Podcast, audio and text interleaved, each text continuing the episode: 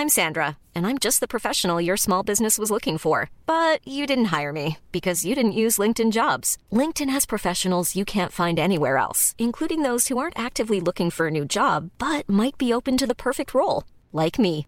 In a given month, over 70% of LinkedIn users don't visit other leading job sites. So if you're not looking on LinkedIn, you'll miss out on great candidates like Sandra. Start hiring professionals like a professional. Post your free job on linkedin.com/people today. Halo pendengar GGMI Podcast, baik lagi bersama kita berdua dan pada episode kali ini kita ngebahas preview dari pertandingan Leeds melawan MU untuk kali kedua atau bah- bahasa ini adalah counter dari apa yang mungkin kita dapatkan ya di pertandingan kemarin di eh, tengah pekan ya. Kita harus seri 2-2 dan sekarang kita akan bertandang ke Ellen Road gitu kan di mana akhirnya eh, Ten Hag pasti punya misi ya Hmm. dan untuk akhirnya mendapatkan tiga poin penuh. Nah, gimana lu ngelihat kesiapan squad yang dimiliki sama MU saat ini dengan segala bentuk kondisi squad yang compang-camping, kartu merah dan beberapa hal. Wah, ini menurut gua agak cukup mengkhawatirkan ya dan juga sangat-sangat concerning di mana ketika kita di home aja Leeds itu mainnya Spartan parah bahkan dari detik ke nol ya. Ketika Sabitzer ini oper ke belakang itu kalau kalian semua lihat itu Bamford kemudian Sinistera dan Gnonto itu langsung lari udah kayak mau maraton gitu loh.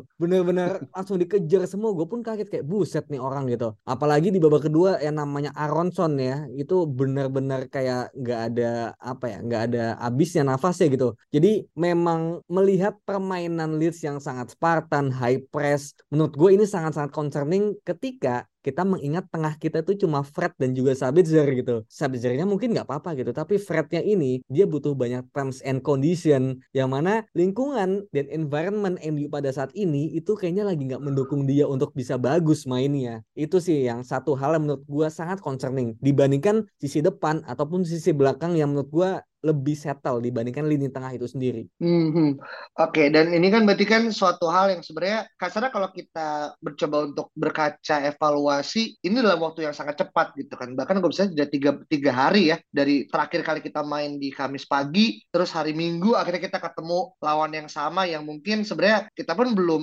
kering keringet gitu ya.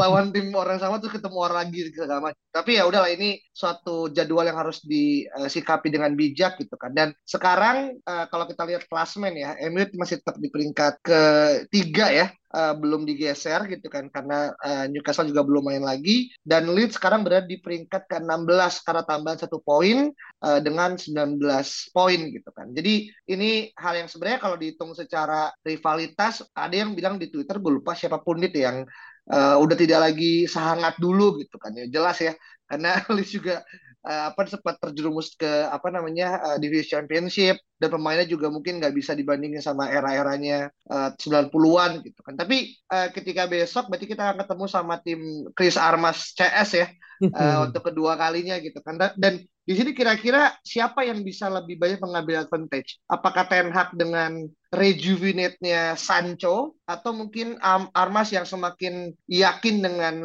apa yang dia punya di ketika dia mungkin dapat satu setengah musim ya di MU kan ketika di bawahnya Ragnik gitu kan. Dan siapa yang kira-kira bisa untuk mengambil poin penuh di pertandingan eh, Leeds besok, Vin? Wah, menurut gue ini adalah akan menjadi sebuah pertandingan yang sangat berat dan gue mungkin expect bahwa tensi dan juga tempo ya permainan itu akan setinggi seperti di Old Trafford gitu. Bagaimana bakal bermain keras juga, hajar sana hajar sini, high pressing juga dan menurut gua mungkin yang sedikit diuntungkan adalah Leeds ya. Karena yang pertama main di kandang dan kedua memang dari sisi squad itu ya memang dirancang untuk bermain pressing semuanya gitu. Literally hampir semuanya. Dari zaman Marcelo Bielsa kemudian ke Jesse March dan kemudian sekarang di Armas atau di Sharp gitu ada tiga pelatih lah menurut gue semalam gitu kan ada tiga orang itu benar-benar diskusi mulu gitu kan. Nah itu menurut gue mereka apa ya anginnya lebih ke mereka sebetulnya gitu. Yang mana MU sendiri ini kan masalahnya di tengah gitu. Yang mana menurut gua kalau tidak ada perubahan dari sisi taktikal dan juga dari sisi ya maksud gua adalah ketika kita bicara individu kan udah nggak bisa diapa-apain lagi ya. Dalam waktu tiga hari nggak mungkin ada yang berubah. Tapi lebih kepada approach dan juga taktikal yang menurut gua sebetulnya Ten Hag masih bisa maksi eh, apa ya mencoba mengakalinya gitu. Kalau misalnya kan katanya Ten Hag ini mau mencoba menganalisis dulu nih pertandingan kemarin. Apakah Rashford akan kembali bermain di tengah atau bagaimana skema lini tengah menurut gue ya itu adalah hal yang benar gitu. Menganalisis dulu kemudian mengambil keputusan apa yang akan dilakukan di pertandingan selanjutnya. Apalagi lawannya masih sama. Dan Ten Hag juga bilang bahwa dia udah nggak sabar buat ngelawan Leeds lagi gitu loh. Dia udah emosi banget gitu.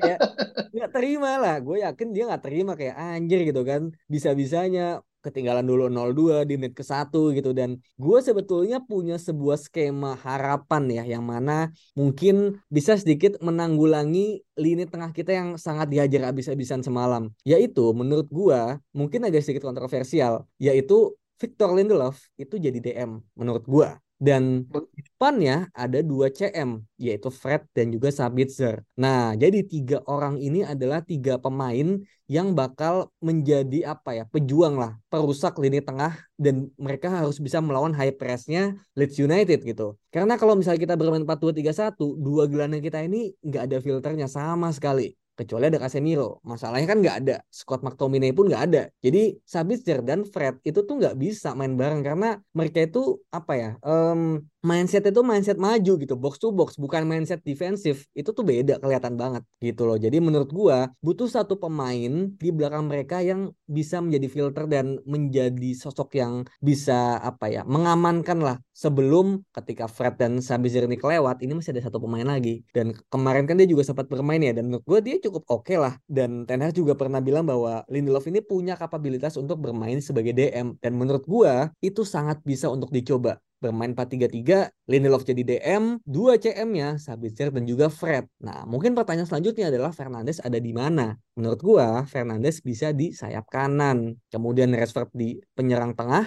kirinya bisa dikasih ke Jadon Sancho. Nanti babak kedua, kalau lagi buntu dan butuh crossing, tinggal masukin Weghorst. Lu butuh mungkin explosive speed dan juga yang bisa take on one on one, lo masukin Garnacho itu bisa dilakukan semuanya gitu. Mungkin kelihatan kanan kita agak sulit ya untuk berkembang karena Fernandes yang ada di sana nggak terlalu cepat. It's okay menurut gua karena yang kita lihat di pertandingan home lawan Leeds kemarin kita tuh kalahnya tuh bukan di depan tapi kalahnya di mana di tengah. Jadi menurut gua kunci untuk bisa memenangkan pertandingan ini dan Ten juga bilang untuk bisa menang, lu harus menang challenge, lu harus bisa menang duel menang second ball dan kita nggak ada yang menang di situ.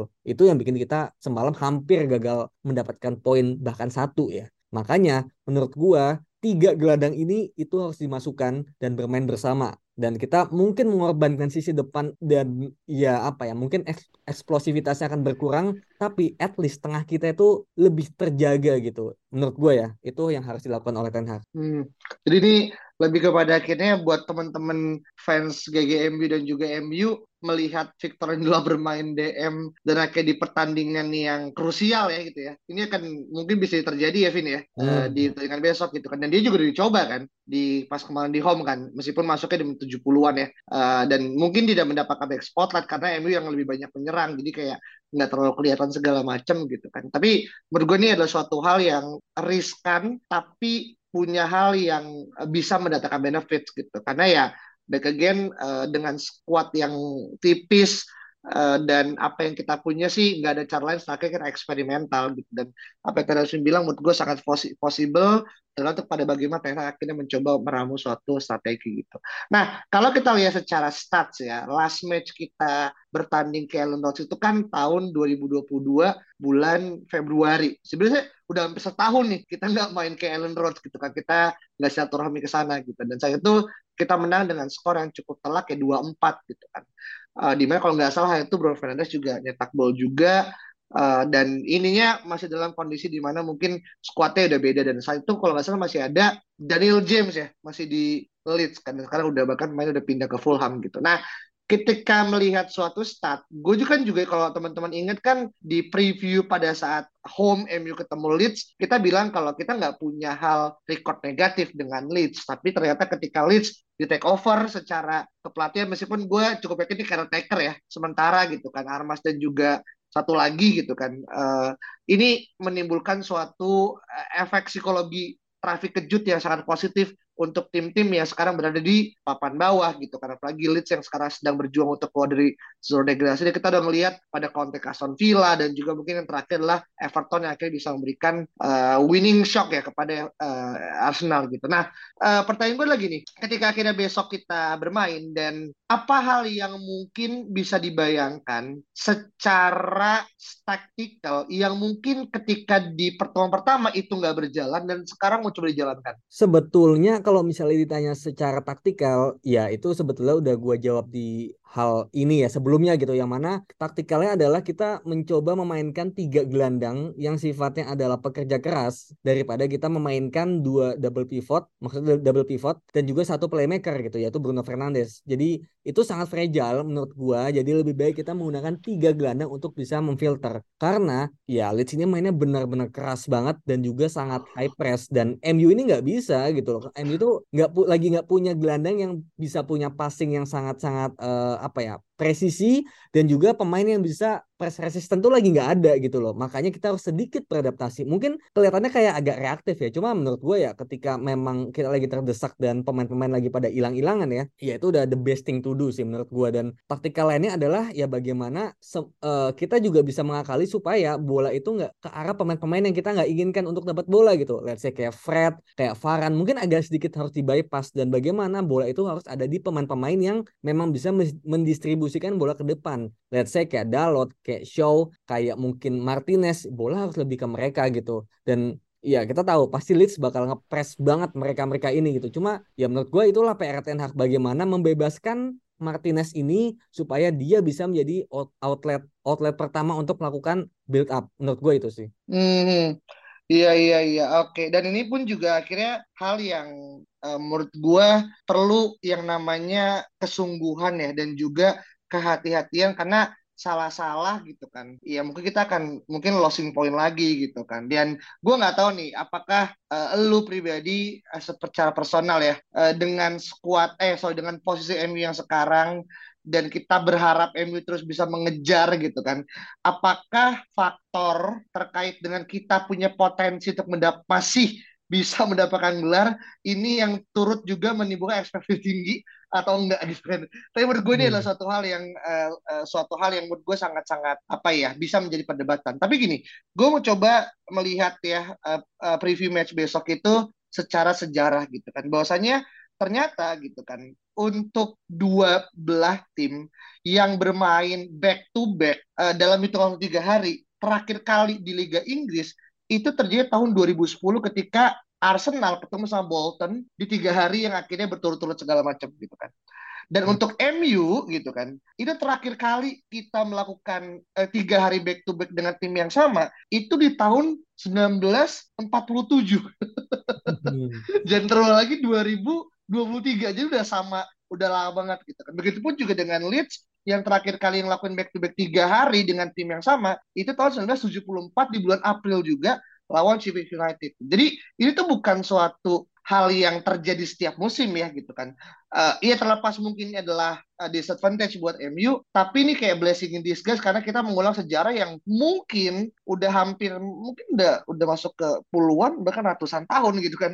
Di mana mungkin akhirnya MU udah apa udah berganti squad bertahun segala macam. Nah, melihat sejarah yang tidak biasa ini gitu kan lu ada nggak poin yang ingin di, di apa ya, ditambahkan atau mungkin hal yang bisa menjadi suatu pembelajaran ketika nanti let's say di entah musim depan ataupun dalam waktu dekat hal kayak gini akan terjadi lagi dan bagaimana kita bisa menyikapi secara lebih bijak Ya menurut gue ini bisa menjadi pisau bermata dua ya. Karena ketika misalnya di pertandingan pertama kita juga bisa bermain dengan baik dan juga menghancurkan tim ini gitu tim lawan kita ini yang mana sesuai dengan judul podcast kita di preview kan adalah misi membantai Leeds gitu. Ternyata tidak kejadian ya kan?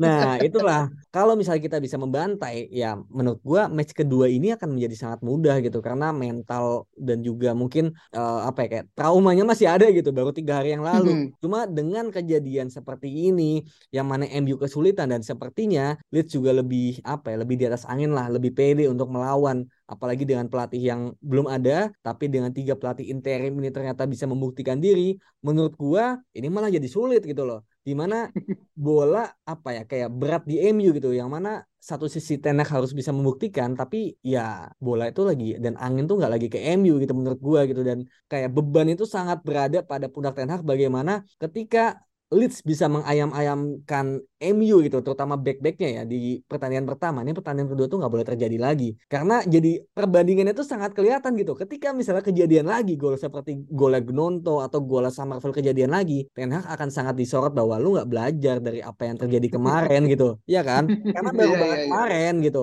Tapi kalau yeah. misalnya Ten Hag bisa bagus, ya itu benar-benar bahwa oh Ten Hag belajar. Eksekusinya pun bagus, nggak cuma plannya doang gitu. Jadi memang sih gue juga tahu bahwa terkadang pelatih punya plan bagus, cuma kalau pemain nggak bisa eksekusi ya sama aja gitu. Cuma sekarang bagaimana Ten Hag ini bisa membuat plan yang mana bisa dieksekusi gitu loh. Iya kan? Jangan sampai hmm, plan hmm. yang emang nggak mungkin dieksekusi kayak oke okay, gue punya plan bahwa Fred harus bisa bermain seperti Erikson. Ya nggak akan bisa gitu loh karena emang Fred bukan Erikson gitu. Gitu sih menurut gue jadi satu sisi memang ini bisa menjadi advantage tapi disadvantage-nya adalah ketika tidak berhasil ini akan sangat diperbandingkan dan akan sangat menjadi olok-olok sih media untuk Ten Hag itu sendiri. Hmm, iya iya. Nah ini benar-benar kayak ini antara dua perdebatan ya kayak uh, kan baik ya kalau kita ngomongin meme di Twitter tuh ketika Ten Hag adalah let him cook gitu kan. Dan juga mungkin Ten Hag take it personally gitu kan kayak mungkin dia juga punya next target. Uh, beberapa pelatih udah gue kalahin nih di checklist gue kan Liga Inggris dan ini Armas DKK nih perlu menjadi next ini ya apa next target gue untuk akhirnya bisa gue take advantage gitu kan. menurut gue sih Renak adalah uh, tipe orang yang man with the mission ya. Jadi ini menjadi salah satu uh, mungkin ya sedikit banyak memberikan apa ya advantage lah. Meskipun gue setuju anginnya lagi uh, berat di Leeds, tapi kalau ngeliat sejarah ya gitu kan. Ini gue juga baca dari Opta Analis gitu kan. Bagaimana akhirnya selama kurang lebih beberapa match ketika kita main di Ellen Roads dari tahun 1996, 2002 hingga 2022, MU itu hanya uh, uh, MU hanya terpaut satu pertandingan di bawah Arsenal yang bisa mencetak gol di atas empat di kandang Ellen Roads. Gitu. Jadi Arsenal udah nyetak empat gol empat kali, MU mencetak gol empat kali, tapi baru tiga kali gitu. Jadi ini yang menjadi salah satu apa ya mungkin plus point kali ya, yang mungkin buat teman-teman yang sekarang mungkin pesimis gara-gara kemarin, tapi kalau kita ngeliat sejarah sebenarnya MU diuntungkan kan. Dan ya, ya. kemarin iya kan, dan kemarin tuh golnya Genonto ternyata ya ini kalau gue juga baca sejarah itu tuh gol kedua tercepat yang diciptakan oleh pemain lawannya MU selain yang pertama itulah Edin Zeko gitu, 43 detik gitu kan di Old Trafford di bulan Maret tahun 2014. Jadi ini hal-hal yang akhirnya mungkin menjadi shock terapi ya buat Ten Hag tentang bagaimana jangan sampai kita kejebolan di babak eh, di menit-menit awal gitu kan. Ya nanti pasti akan merubah mentalitas dan juga skema pertandingan gitu. Dan ini akan sangat berisiko gitu. Nah mungkin terakhir uh, kalau lu boleh lihat kira-kira siapa satu nama di pemain MU yang bisa menjadi pembeda dan mungkin bisa memberikan suatu value added ketika bisa siapa Vin? Kalau misalnya menjadi seorang pembeda ya sebetulnya ini kan agak sulit ya. Karena tergantung lagi-lagi taktiknya seperti apa kemudian approach-nya juga seperti apa dan siapa yang akan diturunkan juga gitu dan kan kayak tiba-tiba aja beberapa jam sebelum match tiba-tiba ada aja yang cedera gitu Wan bisa kesakit, Anthony cedera nggak jelas apa gitu kan. Jadi ini tuh sangat sulit untuk ditebak gitu kayak pemainnya itu siapa. Dan kalau misalnya lu tanya siapa pemain yang mungkin bisa menjadi pembeda, ya menurut gua Jadon Sancho sangat bisa gitu untuk menjadi pembeda karena semangatnya dan juga mungkin uh, apa ya kayak keli bukan kelincahan ya, tapi bagaimana ketika dia dribble bisa memberikan uh, apa ya, efek yang sama ketika Anthony itu melakukan hal yang sama di kanan gitu. Jadi menurut gue Anthony dan Sancho ini adalah pemain yang sangat-sangat mirip gitu. Nggak terlalu cepat tapi ketika possession dia bisa menarik 2 sampai 3 pemain untuk mendekat ke arah dia gitu. Jadi menurut gua hmm. Sancho sangat deserve untuk starter dan gua harap juga dia bermain dari awal. It's okay kalau misalnya ternyata dia nggak bermain terlalu baik, masih ada Garnacho nantinya gitu. Jadi dua co ini menurut gua akan menjadi yang mana Garnacho ini kan kayak sempat agak depresi ya gitu dengan dia di apa dibully bisa-bisa yeah, yeah, dia suka uh, di Twitter dia juga agak mungkin melampiaskan ya dengan dia nge-like siapa pun yang uh, apa ngatain dia gitu. Yeah, Cuma yeah kalau misalnya dia benar-benar pemain yang mentalnya cukup kuat dan mentalnya baja, menurut gue hal-hal seperti itu bisa lebih apa ya kayak Ronaldo lah. Makin dia diejek ya makin dia bersemangat itu untuk membuktikan diri dan semoga Garnacho juga memiliki hal yang serupa dan dia bisa melakukan itu di hadapan fans Leeds United karena ya Garnacho kan ya meskipun bukan dari akademi ya cuma dia dari reserve juga gitu harusnya juga punya semangat yang sama gitu untuk membuktikan ke tim rival bahwa ya lu ngolok-ngolok gua kemarin tapi gue buktiin sebagai super sub nantinya gitu. Hmm, I see.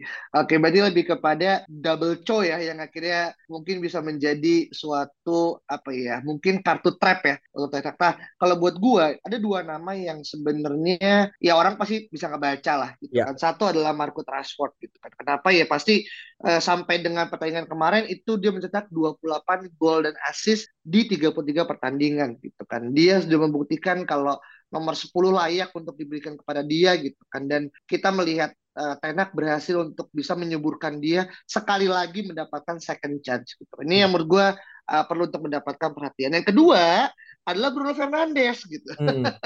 Kenapa gue bilang Bruno Fernandes? Ternyata sampai dengan ke pekan ke-21 gitu kan. Bruno ini menjadi pemain yang paling uh, banyak atau leading terkait dengan chance creator dari open play di Premier League gitu kan. Di angka 51 itu bahkan mengalahkan Kevin De Bruyne yang berada di angka 46 gitu kan. Yang mana menurut gua kalau kita berharap pada Fernandes sebagai penyuplai dengan mungkin kekuatan di depan yang sekarang terlihat mungkin tidak sempurna karena ya satu dua hal tapi gue masih percaya Bruno Fernandes adalah orang yang tepat selain menjadi kapten, tapi dia mungkin bisa menjadi seseorang yang tadi ya ball supplier gitu. Dan yeah. kemarin kan hampir kan dia akhirnya mencetak assist kalau misalkan memang uh, crossing dari dia di di Varan akhirnya nggak di tepi Melier gitu. Dan berharap sih besok ketika corner ataupun ketika free kick dan gue cukup yakin ya besok kita ngelawan Leeds pasti banyak banget free kick yang terjadi gitu kan. Baik akhirnya Fred yang mungkin membuat suatu kesalahan-kesalahan konyol atau akhirnya kayak kemarin gitu yang kecepatannya Rashford nggak bisa dihitung nggak bisa diikuti sama Junior Firpo gitu kan akhirnya Firpo harus melakukan suatu tindakan professional challenge gitu yang harusnya kalau dia mungkin satu dua meter lebih apa ya lebih lebih beda jaraknya dibandingkan pemainnya Leeds mungkin bisa kartu merah karena sebagai last man gitu kan. Yeah, Tapi yeah. juga kemarin kan enggak gitu. Nah ini yang mungkin harus kita perhatikan gitu. Dan kalau teman-teman punya pendapat dan juga uh, preview berbeda ya mengenai bagaimana akhirnya pertandingan Leeds melawan MU jilid kedua ya dalam tiga hari. Silahkan langsung uh, apa namanya tulis di kolom Twitter reply kita. Yes. Gimana Vin? Ya, yeah, by the way, silakan. Iya, by the way, apakah lu yakin MU bisa menang kali ini?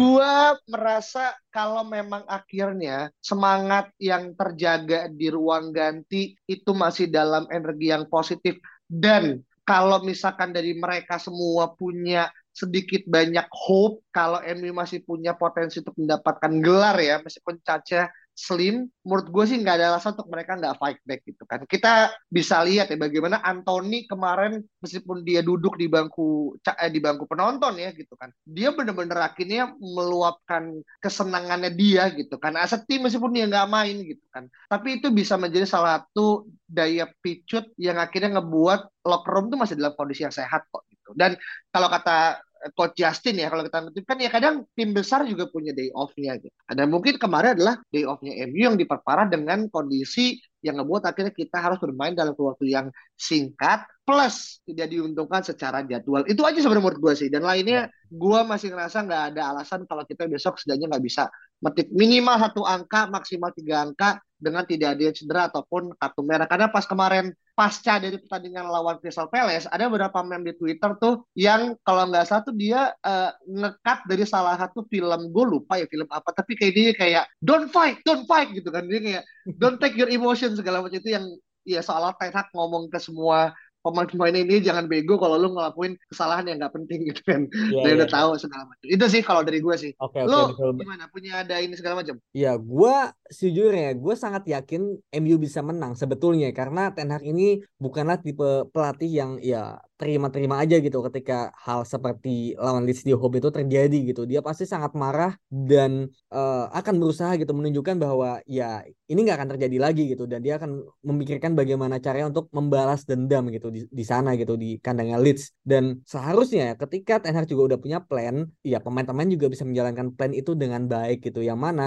gua sama cukup pede gitu kalau misalnya skema yang gua tawarkan tadi benar-benar dilakukan ya itu menurut gue lebih oke okay sih untuk pada akhirnya bisa apa ya bisa at least menang di tengah dulu gitu menang lini tengah. Karena kalau belakang gue pede depan pun bisa pede juga dengan kemampuan individunya juga gitu dan juga link upnya masing-masing. Cuma tengahnya ini sangat-sangat krusial. Kalau kita kalah di tengah habis udah selesai gitu pertandingannya. Tapi kalau kita bisa memenangkan lini tengah menurut gue chance kita untuk menang itu sangat besar. Hmm oke. Okay. berarti kuncinya adalah uh, memenangkan di tengah dan itu akan ngebuka peluang MU untuk menang ya. lebih besar dibandingkan di match kemarin yang kita mungkin suwe aja gitu.